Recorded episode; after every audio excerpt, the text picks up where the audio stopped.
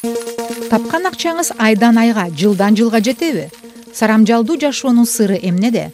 Базардагы бааны ким тескейт экономика татаал статистика чаташкан сандар деп ойлосоңуз элдик экономика подкастында аларды жөнөкөй тилде чечмелеп беребиз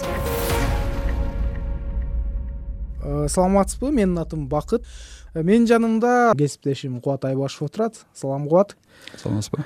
Мына мен жакында азаттыктын сайтынан албетте убактылуу бөгөттөлгөм бирок ошентсе дагы vpn аркылуу кирип насыяны тойго жумшадык күнүмдүк керектөөгө насыя алгандар көбөйдү деген макалаңызды окудум.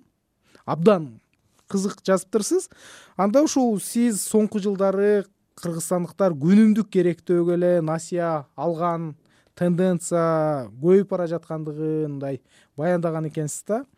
Э, мында ошо негизги булак катары улуттук статистикалык комитетти көрсөткөн экенсиз. Чынында эле сиз э, мындай чочулагандай абал бекен мунун деги эле ушул насыяны алуу жаатындагы э, микрокредиттик деп айтабыз микрофинансылык уюмдар берген насыялар жаатындагы абал кандай экен? Биздин угармандарга кеңирээк түшүнүктүү болуш үчүн мен сизден сурагым келип атат. Туура айтасың бакыт мен э, өткөн жумада ушул темада бир макала даярдадым. Э, бизде насыялар негизинен кайсы багатка жумшалат? Анан анын ичинде э, улуттук статком маалымат чыгарып калды. Керектөө насыясы же болбосо ушу күнүмдүк керектөөгө алган насыялардын көлөмү кийинки кездери мына соңку кездери эки жылда негизинен кескин өсүп атыптыр да. Керектөө деп эми жанагы жалпак тил менен айтканда потребительский насыя дегенди ошо кыргызча керектөө деп атабыз да? Ооба керектөө насыясы деген бул эмне? Керектөө насыясына негизинен э, күндөлүк турмушка керектөөчү тамак ашка алышы мүмкүн же оңдоп түзөөгө үй жайын машинесин же машине сатып алууга алышы мүмкүн. Же кандайдыр бир техникаларды турмуш тиричилик техникаларын. Анан айрым бизде көбүнчө ушундай бир тенденция бар экен. Той топур өткөргөнгө даы алат экен да. Улуттук статкомдун маалыматтарына караганда бизде соңку эки миң жыйырма биринчи жылы отуз алты пайыз керектөө насыясын алат экен да жалпы микрофинансылык уюмдардын насыяларын берген насыяларынын отуз алты пайызын керектөө насыясы түзөт экен эки миң жыйырма биринчи жылы. Ал эми эки миң жыйырма экинчи жылдын тогуз айында бул көрсөткүч кырк жети пайызга жеткен. Дээрлик жарымы десек болот да. Кыргызстанда берилген болгон насыялардын дээрлик жарымы ушул күнүмдүк бул керектөөгө кетет. бул микрофинансылык уюмдардын. Бул жерде эми финансылык уюмдар бөлүнөт да банктар микрофинансылык уюмдар анан микрокредиттик баягы э, союздар да. Анан анын ичинде андан тышкары банктардын дагы көрсөткүчү бар. Банктардын көрсөткүчү бул жерде бир он беш он алты пайызды түзөт экен негизинен микронасыялык э, уюмдар менен банктардын берген насыяларынын ошо керектөө насыяларынын көлөмү бирдей эле экен. Болжол менен болжол менен алганда да. Ал экөөнүкү тең бир отуз миллиард сом тегерегинде болот экен он айдыкын алсак ар бир экинчи алынган ошол жана микрофинансылык э, дейбизби микрокредиттик уюмдан алынган ар бир экинчи насыя демек кыргызстанда күнүмдүк керектөөгө той өткөрүүгө Э, кийим кече дейбизби анча мынча мал жандык алууга кетип атат деп айтсак болот экен да. Мен ушул макаланы даярдап атканда эми мына керектөөчүлөргө же ошол кардарларга чыктым да. Кардарларга байланышып сураганда алар көбүнчөсү ошо күндөлүк турмушка мындай компьютер алдым телевизор алдым э, холодильник алдым дегендер болду. Алардын ичинде абдысалам деген бир байкенин мындай беш той өткөрүү үчүн насыя алганы мен үчүн кызыктуу болду да. Тойго акчам жетпей калды. Анан билесиздер калганыбызда анан мындан сурашка эле кылдым дагы анан бардым. Барсам деген бир программасы бар экен а? Мен кирип сурадым.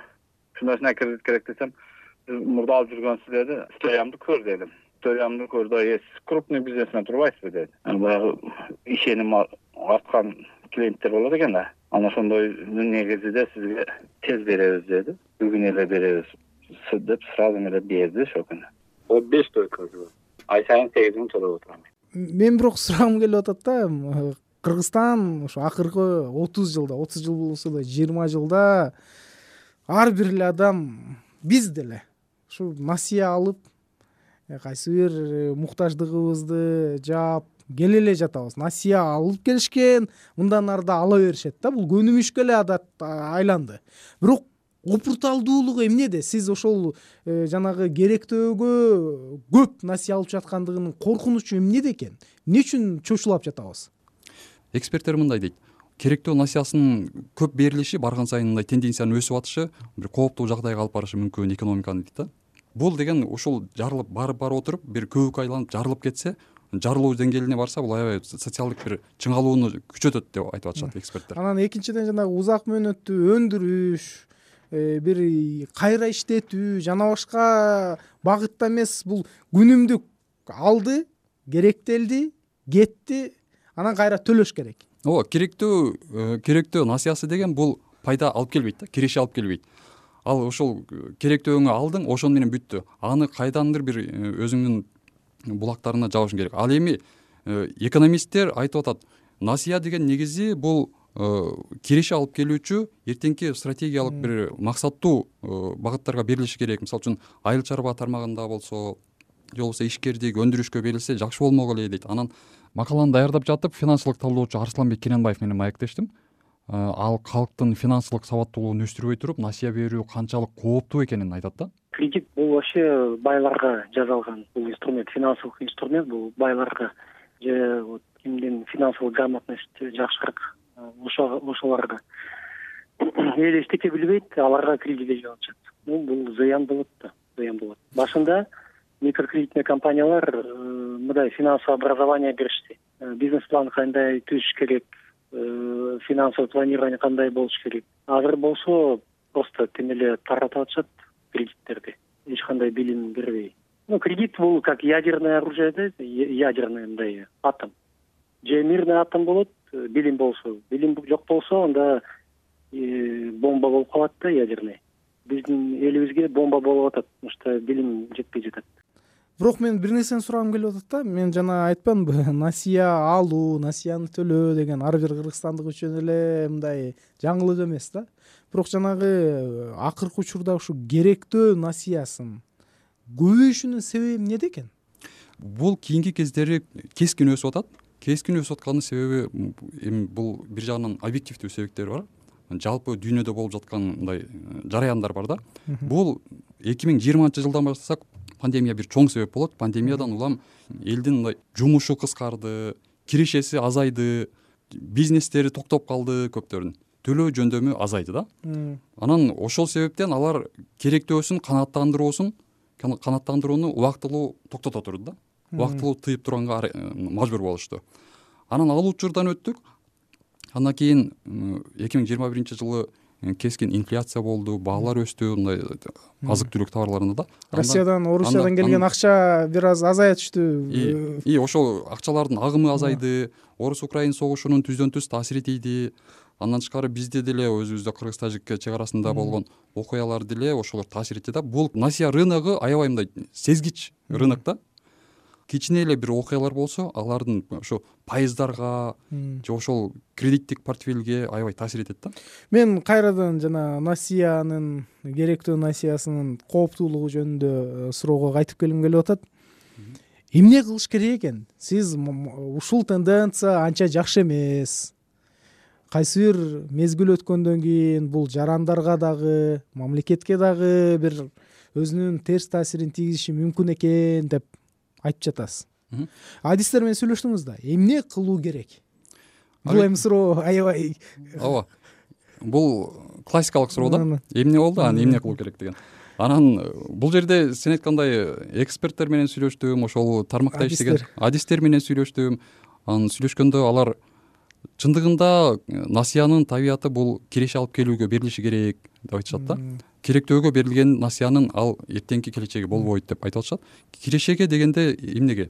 Э, мисалы үчүн айыл чарбасын өнүктүрүүгө мына кандайдыр бир ишкердик жүргүзүүгө же өндүрүштү жолго салууга ошондойлорго берилсе жакшы болот эле. Негизи ошондой болушу керек табиятынан деп айтып атышат бирок бул жерден биз э, микрофинансылык уюмдар микрокредиттик уюмдарды да толугу менен каралап салуудан алыс болушубуз керек. Себеби алар мыйзамдын негизинде бир бизнес катары улуттук банктан алган финансылык көзөмөл органынан алган уруксаттын негизинде иштеп жатат.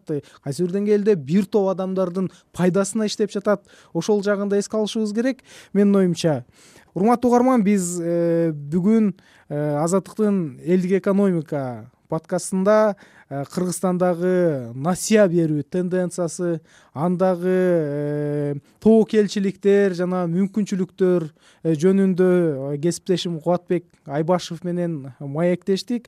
Кубатбек айбашев азаттыкта элдик экономика деп аталган түрмөктү даярдап келе жатат. Кубат менен мен бакыт асанов маектештим. Биз ар бир жаранды ушул насыя алууда деги эле экономикалык сабаттуулугун финанс сабаттуулугун арттырып ар бир тыйынды эсептеп анан аны аң сезим менен пайдаланууга чакырабыз. Чоң рахмат бакыт. Мен дагы ошого чакырат элем. Ар бир жаран өзү насыя алып атканда аң сезимдүү түрдө өзүнүн мүмкүнчүлүгүнө карап алса жакшы болот эле да. Рахмат. Рахмат. Базардагы кымбатчылыктын себептери эмнеде сиз төлөгөн салык кайда кетип жатат? Өлкөнүн бюджети туура бөлүштүрүлүп жатабы ушул сыяктуу экономикалык жана финансылык суроолорго азаттыктын элдик экономика түрмөгүндө жооп таап беребиз. Экономиканы татаал статистика деп ойлосоңуз биздин подкастты угуп туруңуз. Оор темаларды жөнөкөй жана жеңил тилде чечмелейбиз